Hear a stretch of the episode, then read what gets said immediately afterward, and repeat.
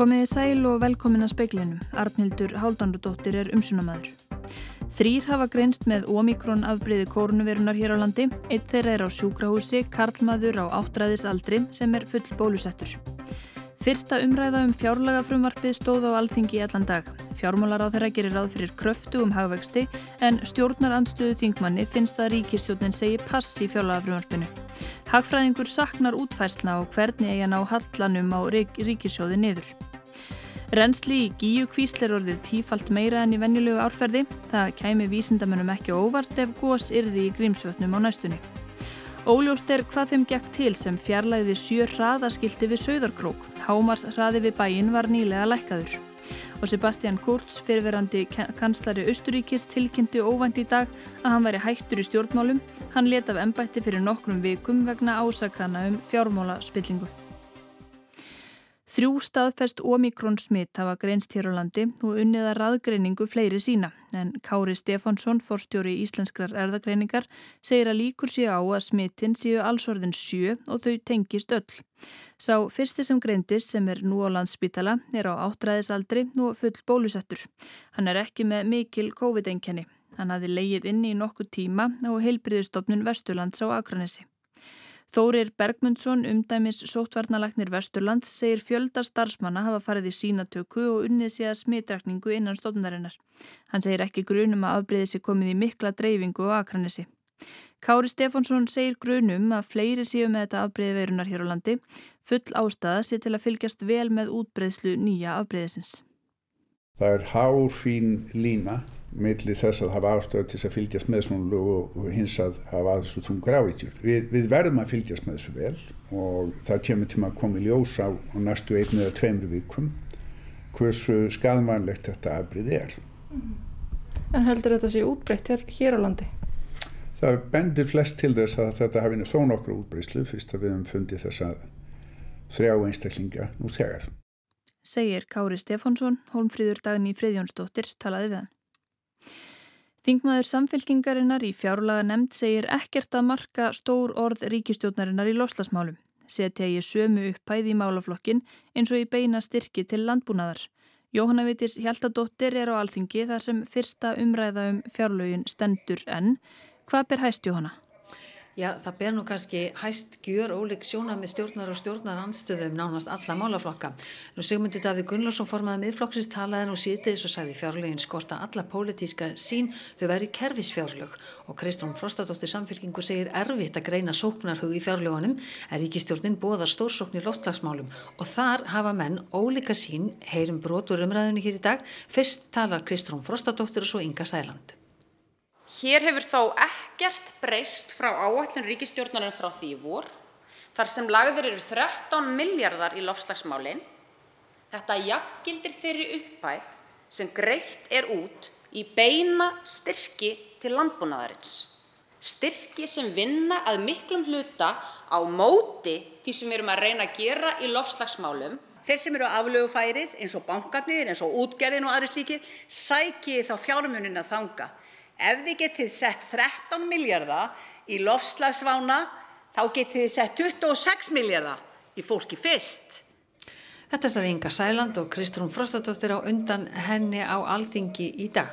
Já, og umræðan heldur áfram um fjárlög næsta árs. Já, já, já, hún mun standa hér á Alþingi fram eftir kvöldi og svo verður henni framhaldið í fyrramálið og á morgun. Áður en að frumarpinu verður vísa til umfjöldunar í fjárlega nefndi svo frækt var nú fyrir í dag þegar frumarpið hefði verið sendið út til umsagnar áður en umræðan hóst. Takk fyrir þetta Jóhanna Vitis á Alþingi. Rensli í Gíu kvísl er orðið tífalt meira en í venjulegu árferði. Hlaupvatn úr grímsvötnum er farið að skila sér í ána en renslið um hádegi var um 930 rúmetrar á sekundu. Rafleðinni tók mikinn kipp í nótt og í morgun, er nú um 300 mikrosímens á sentimetra og fer hækkandi. Gas mælist í litlu magni við jökulsporðin en er vel innan hættu marka. Hlaupi úr grímsvötnum getur fyllt eldgós, það gerðist síðast 2011. Þá hafði hlaupið rúmum 6 mánuðum áður en gósið hófst. Gósið hefur á 5-10 ára fresti úr grímsvötnum og kemur vísindamennum saman um að mælingar síni að aðstæður séu með þeim hætti að grímsvötn séu tilbúin að gjósa. Allar 70 km hraðamerkingar við Sauðarkrók hurfu um helgina. Þanga til ný umferðamerki berast vegagerðinni er erfitt fyrir aukumenn að átta sig á hámarsraða. Á svæðismiðli skakfyrðinga feiki segir frá því að aðfaranótt laugardagsins hafi starfsmenn vegagerðarinnar tekið eftir því að skildi með hraðamerkingum hafðu verið skrúfið á festingum og fjarlægð, sjö merkingar alls. Nýverið var hámarsraði lækkaður við Sauðarkrók úr 90 í 70 km hraða. Rúnar Pétursson yfir verkstjóru hjá vegagerðinni tilur það þó ekki ástöða þess að merkingar voru fjarlægðar og tilur frekar að um einhvers konar galsagang sé að ræða. Skiltin eru mjög dýr og má gera ráð fyrir kostnaðu upp á 200 til 300.000 krónur. Við höfum ekki frétt neitt af þessu merkjum eða hvað hefur orðaðum. Ég er búin að vera í sambandi við laurugluna og svona leta á vita af þessu. Við séum ekki búin að kæra máli formlega en, en menn er svona meðvitaður með þeir finna einhverstað merkja rúi. Framleiðsla er hafin á nýjum merkingum en svo vinna getur tekið um viku. Þannig að fólk veit ekkert hvað getur kert rætt hana. Já, ég er ekki sem að standist lög að lauruglan fer að mæla menn á, á kapla sem ekki mertur. Rúnar segist þú eiga vona á að merkingarnir skili sér frekar en ekki. Ég veit ekki hvað menn er að gera með þessi rúa stórum umferðarmerkjum heim í stofi hjá sig. Ég á nú ekki vona að það sé spennandi innastáksmunur. Sagði Rúnar Pétursson, Anna Þorbjörg Jónastóttir talaði við hann. Láreglun á Östurlandi lýsir yfir áhyggjum af því að korunverufaraldurinn sé vexti í landslutanum. Fjögur smit greindust í morgun á eigilstöðum og á fáskúsfyrði. Á leikskólanum Tjarnarlandi á eigilstöðum verða allar deildir nema einn lokaðar á morgun og hafa börn, foreldrar og starfsfólk verið kvött til að skrá sig í sínatöku. Sebastian Kurz, fyrirverandi kanslari Östuríkis, er hættur í stjórnmálum. Hann leta af embætti fyrir nokkrum vikum vegna ásakana um spillingu. Hann saðist þá ætlað að einbeita sér á því að rinsa napsitt en það hefði hann ekkert gert af sér. Sebastian Kurz varð kanslari í desember 2017 þá aðeins 31 árs að aldri og þar með yngstur allra þjóðarleðtoga í Líðræðis ríki. Hann sagði af sér í oktober síðastlinum eftir að hann var sakaður um að hann var notað almannafið til að greiða fjölmiðlum fyrir jákvæða um fjöllun um hann og flokkans eh, þjóðarflokkin. Kurz hvaðst þá ekkert rámt hafa gert og ætlaði að einbeita sér að því að sanna sakleysi sitt. Það kom því flatt upp á marga þegar hann tilkynnti í dag að hann hefði ákveðið að hætta afskiptum af stjórnmálum. Hann hvað síðustu vikur hafa reynd mjög á sig og dreyið úr launguninni til að starfa áfram í stjórnmálum. Nú hlakkaði hann bara til að verja tímað með fjölskyldunni og nýfættum sinni sínum og ætlaði að býða með það fram yfir áramót að byrja að sveipast um eftir nýju starfi. Kurz ítrekkaði sakleysi sitt í dag en bætti við að hann væri kvorki dýrlingur neð þrjótur heldur venjulegur maður með bæði kosti og galla. Áskir Tómasson saði frá. Fiskeldisfyrirtækið Laxar var fyrir umtalsverðu tjóni þegar veira sem veldur sjúkdómnum blóðþorra greindist í sjókví fyrirtækisins í reyðarfyrði.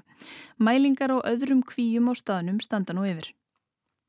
Þeir 68.000 fiskar, samtalsum 140 tonn, sem voru í kvinni hafa nú verið svæfðir og er fiskurinn nú unnin í meldum sem verður flutt úr landi. Jens Garðar Helgason, framkamdastjóri Laxa Fiskeldis, segir ljóstað tjónið er þó nokkuð.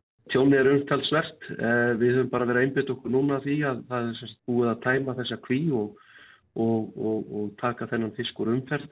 Núna sérstaklega eru, eru við í samstarfið við matvælarstofnun að taka síni og gera mælingar á öðrum kvíum á stöðin. Sagði Jens Garðar, en ekki liggur fyrir hvert nákvæmlega tjónið er. Þetta er í fyrsta sinn sem blóðþorri kemur upp á Íslandi en sjúkdómurinn ræðist á þekju vef blóðæða með þeim afleiðingum að miklar blæðingar verða í lífærum og tálknum. Veiran er ekki skadaleg mannfólki en er smitandi innan sjókvíjarinnar og því verður hún ekki tekinn strax aftur í nótkunn. Nú er sérsagt eh, matalastofnun og og í samstarfið dýralæknar félagsins eru að taka síni úr öllum, öllum öðrum kvíum á stöðinu. Eh, stöðin er náttúrulega ennþá og verður í fullri einangrun og, og sótt kví, ef maður getur orðað þannig. Uh, við vonumst til að fá síni úr öðrum kvíum uh, vonandi í næstu við.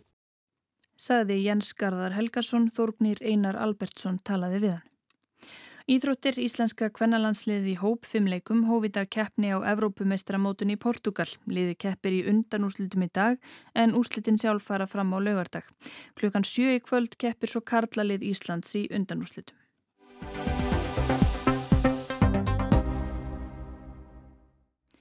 Aðgerðir ríkistjórnarinnar í faraldrinum hafa skilað hröðum efnahagsbata, segir fjármálar á þeirra, en stjórnaranstæðan segir stjórnin að segja pass með fjárlagafrumvarfi fyrir næsta ár. Hagfræðingur saknar útfæslu á hvernig að bæta afkomu ríkisjós. Varnir, vend og viðspilna urðu likil hugtök í þeirri stefnu sem við mörkuðum strax og heimsfaraldur kórnuverunar dundi á í fyrra. Við ákvaðum að beita ríkisfjármálunum af krafti til að verja heimili og fyrirtæki og styðja hagkerfið gegnum einn dýpsta efnahagssamdrátt sögunnar, gera meira frekar en minna.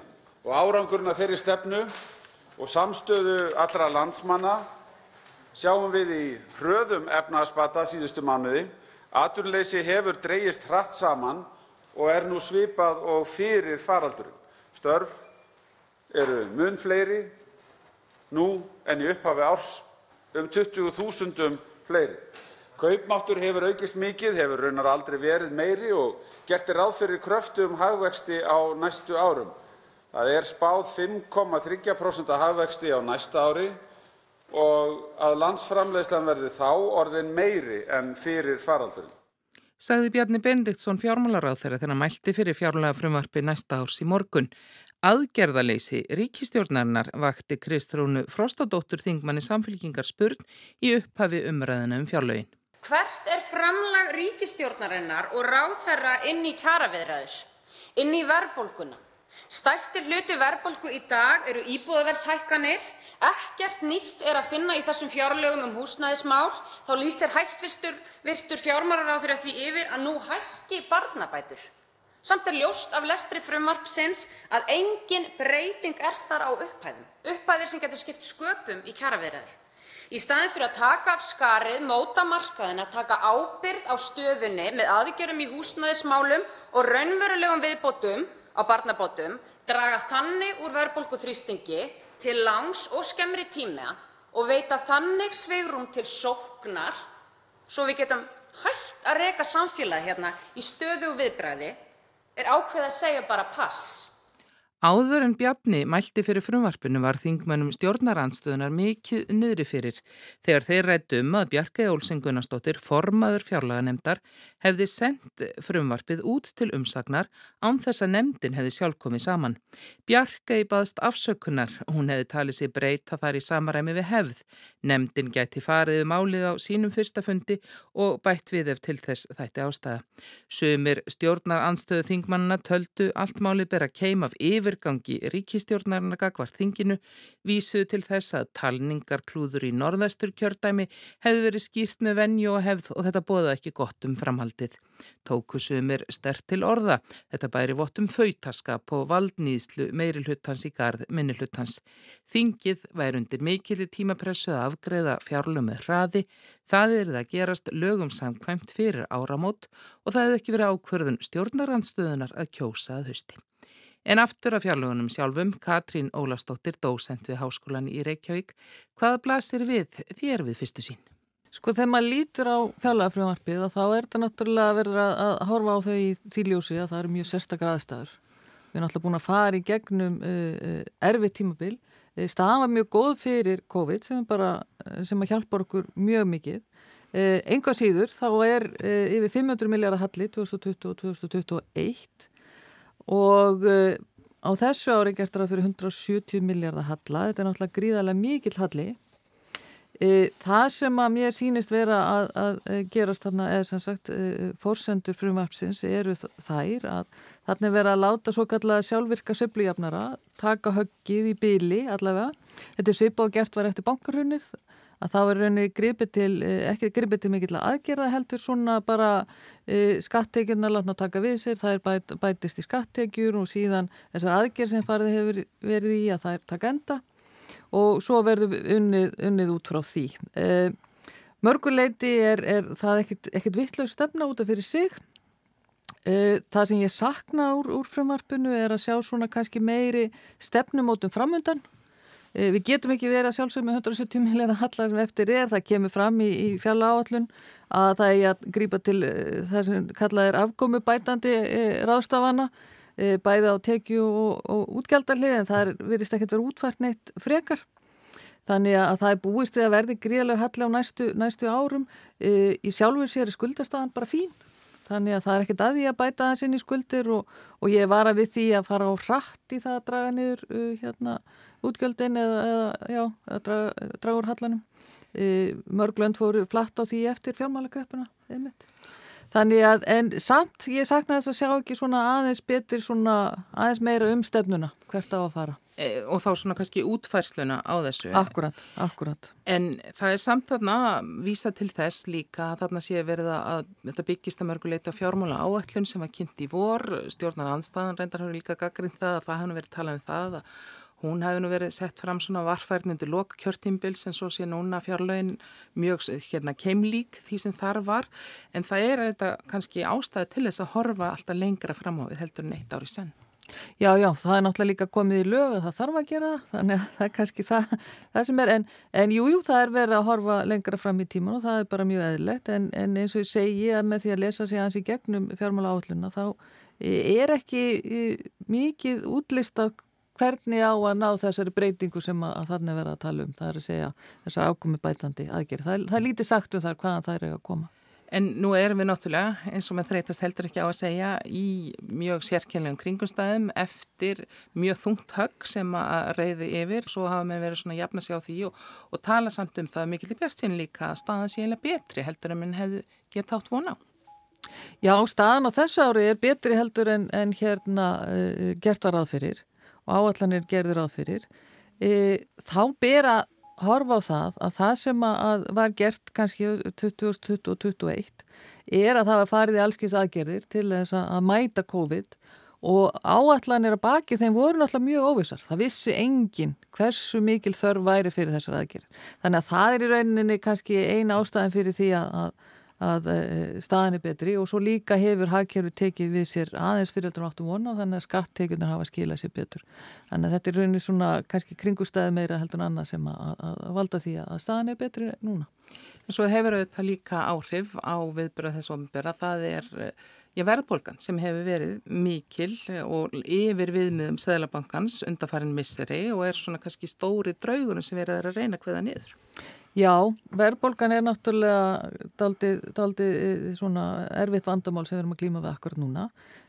Hluta til eh, innlendur vandi, hluta til innfluttur vandi e, og þannig að þetta er eitthvað sem að efnahags, þeir sem stjórna efnahagsmáli hér, það sé peningastefnu nefnd og, og, og alltingi þurfu að vinna á saman.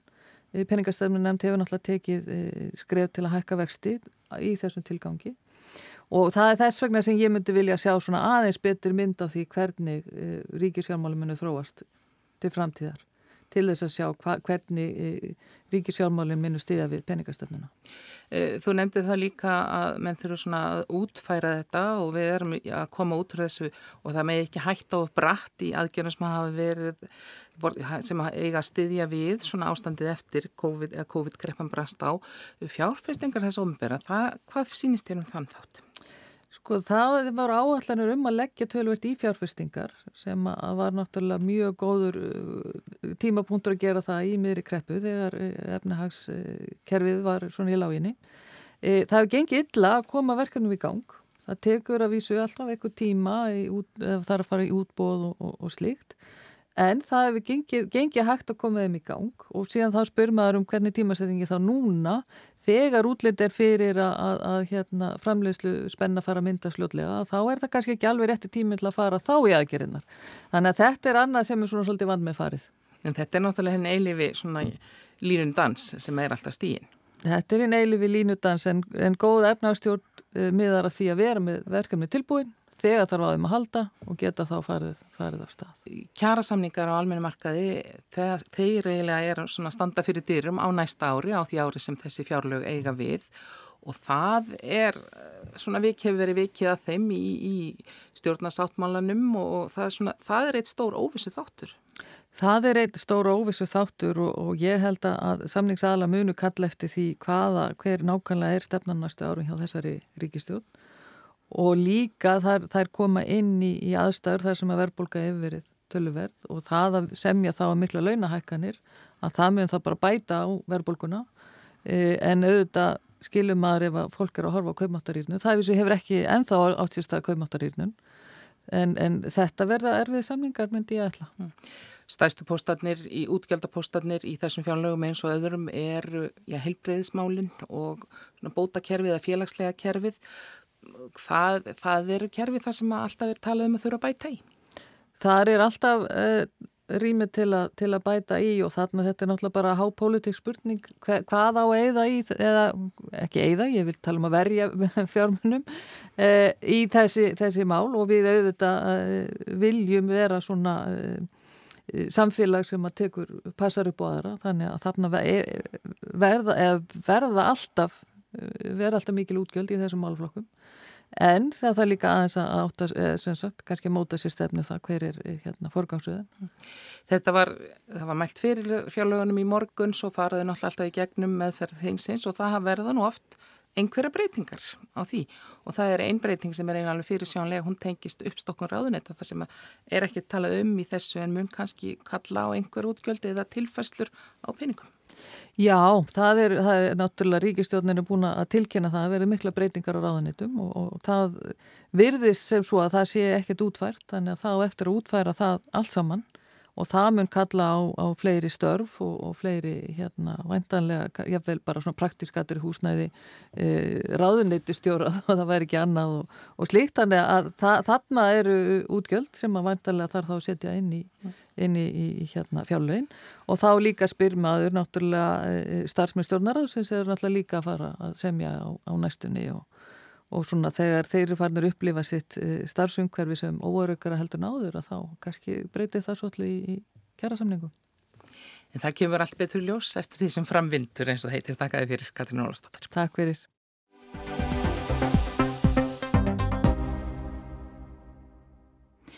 Umræðanum Omikron er í algleimingi í Breitlandi, hvað þeir að gera í landi þar sem ríkistjónin hefur verið ábyrrandi óvilju til að grípa til Hamalandi veirur ástafana.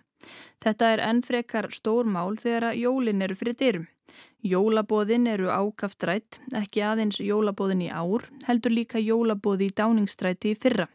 Pólitíska spurningin er hvort COVID-reglurnar þá hafi verið brotnar sem væri stjórnarandstöðunni kærkomi dæmi um að forsættisráð þeirra telja sig yfir aðra hafin. Það er fátt sem fer jafn vel í breska fjölmila og eitthvað sem gæti verið hættulegt og þetta heyrist mjög í umfjölluninu um Omikron, nýja COVID-afbreyðið, allt í óvissu með tilfelli hversu smitandi nýja afbreyði væri, virkni bóluefna óvis og jólahaldið í hættu. Allt þetta mátti heyra í fréttum í dag. A week on from the discovery of Omicron, we still don't know if the new COVID variant will cancel Christmas. Það er vika síðan að bresk omikron tilfelli voru staðfest, strax þrjú tilfelli fyrstu helgina og svo hrina tilfella í Skotlandi. Sum alveg ótengt Suður Afríku þar sem omikron greintist fyrst. Alveg síðan COVID kom upp í ársbyrjun í fyrra hefur breska stjórnin verið ákaft gaggrind fyrir að bræðast of seint við, ekki seint tilmælum vísindamanna. Í Englandi var öllum veiruhamlum aflétt í júni aðrir landslutar fari sér hægar. Um þar myndir sem hömlum var aflétt voru um 12.000 tilfelli á dag í Bredlandi en hafa síðan leikið á bylinu 25.000 upp í rúmlega 40.000. Í ársbyrjun, þegar vest var, voru dagleg tilfelli um 60.000. Stefnabresku stjórnarnar var að sama hvað tilfellum liði, engar hömlur aftur meðan sjúkrahús höfðu við, sem þau gerðu svona nokkut veginn. Frá starfsfólki á sjúgrásum hér í nágrenninu heyrði speillin sögur um að þó vissulega væru COVID-sjúklingar færri en áður, væri á stundum alveg á nippinu að spítalarnir stæðust álægið. En Omikron er að breyta andrumsloftinu hér í Breitlandi eins og víðar, kannski af því stjórnin hefur svo þráfalla verið sökuð um seinagang og sinnuleysi og stendur höllum fæti í öðrum álum, þá er nú ekki verið að tvínona við hlutina, strax sett á ferðabann, beinum flugum til Suðurafriku aflýst í nokkra daga meðan sóttkví á hóteli fyrir ferðalanga þaðan var skipulögð. COVID-reglur líka hertar, annars dags skimun verður aftur að vera PCR-skimun antigenpróf ekki nóg og grímuskylda en aðeins í almenningsfaratækjum og búðum. Omikron aðbreyðið var fyrst greint í Suður Afríku í síni frá 8. nógumber. Nú er aðeins nokkri dagar í niðurstöður rannsókna um áhrif bóluefna á Omikron aðbreyðið samkvæmt upplýsingum alþjóða heilbreyðstofnunarinnar. Framvindan í Suður Afríku bendir til að Omikron sé meira smitandi en delta aðbreyðið að fólk sem eru fengið COVID geti smittast aftur. Enn ofsnemt að segja um hvort fólk lendi frekar á spítala með Omikron. Deltaafbreyðið er eftir sem áður lang algengast hér en ljóst eins og víðar að Omikron hefur víða stungið sér niður. En eitt hefur ekki breyst, ráð þeirra sem fyrr, marg saga um hvað sé best að gera. Í vikunni ráðlaði Jenny Harris fyrir um aðstóðarlandlagnir Englands fólki að forðast jólasamkomur. Boris Johnson fórsætsráðara hafnaði þessu eins og skot Það þurfti aðeins að grípa til sérstakra ráðstafana til að hindra að Omikron bærist til landsins og dreifðist. Þar til vitað væri við hvað var eiga. What we need to do is to take special measures now to protect against the arrival of Omicron to delay until we've established exactly what we're dealing with. Ráðherrar hafa ráðlagt grímunótkun á öllum samkomum antigen próf fyrir mannamót. Teres Kofi, vinnur ráðherra, var spurð hvað hún aðhyldist engar jólasamkomur eða bara halda sínu striki eins og forsætsráð þeirra bóðar. You know, bara best að sleppa kossaflensi undir mistilteininum, saði Kofi. Breska stjórnin undirbýr nú næstu tvö árin með því að kaupa 114 miljónir skamta af búluefni. Albert Burla, forstjóri Pfizer liðafyrirtækisins, telur að fólk muni þurfa árlegan örfunaskamt. If we have to make a guess I would say that likely will be needed annual revaccinations to maintain very robust and very, very high level of protection. En meðan flestir eru kannski með hugan við jólabúðin í ár, þá snýst pólitíska umræðanu um jólaparti í fyrra. Frettir um allavega tvö ef ekki þrjú jólabúð í dáningstræti þá, eins og heyra mátti í fyrirspurna tíma fórsætsráð þeirra í þinginu í gær. As millions of people were locked down last year, was a Christmas party thrown in Downing Street for dozens of people on December the 18th. Meðan miljónir manna byggu við COVID-lokanir var þá haldið bóð í Downingstræti fyrir 20 manns 18. desember, spurði Kýr Starmer, leðtögi verkamannaflokksins. What I can tell the right honourable gentleman is that, uh, is that all guidance was followed uh, completely during number 10. Forsættráð þeirra svaraði að bræði öllum reglum fyllt í nummer 10. Það er neitað ekki umrættri samkomu. Gildran í spurningunni er að samkvæmt reglum mátt ekki halda bóð. Ef það var haldið bóð, voru regluna brotnar. En af hverju er verið að ræða jólabóð í fyrra? As ever, one rule for them, another rule for everybody else. Eins og alltaf, fórsætsræðra og hans stjórn lítið svo á að þeir þurfi ekki að fylgja sömu reglum og aðrir, saði Starmer. Rauður þráður í gaggrinni stjórnaranstöðunar er Stjórnin telur sig hafinn yfir almenning.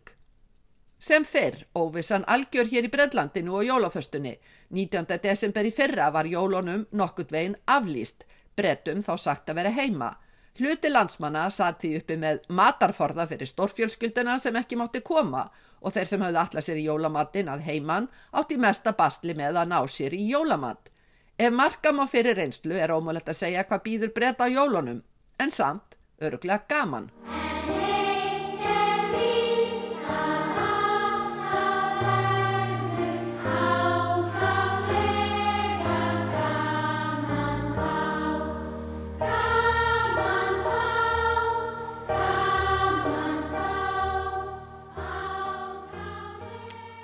Sigrun Davistóttir tók þennan pistil saman og veðurhorfunar suðvestan 8 til 13 metrar á sekundu og skúrir eða jél en yfirleitt þurft á norðausturlandi, hiti um og yfir frostmarki. Suðlægið að breytilega 8 3 til 8 og bjart með köplum á morgun en áfram jél suðvestan og vestan til. Frost 0 til 10 stig kaldast í insveitum norðaustanlands en herðir á frosti setnipartin. Fleira er ekki í spekli kvöldsins, Mark Eldred sendi út, við reyðsæl.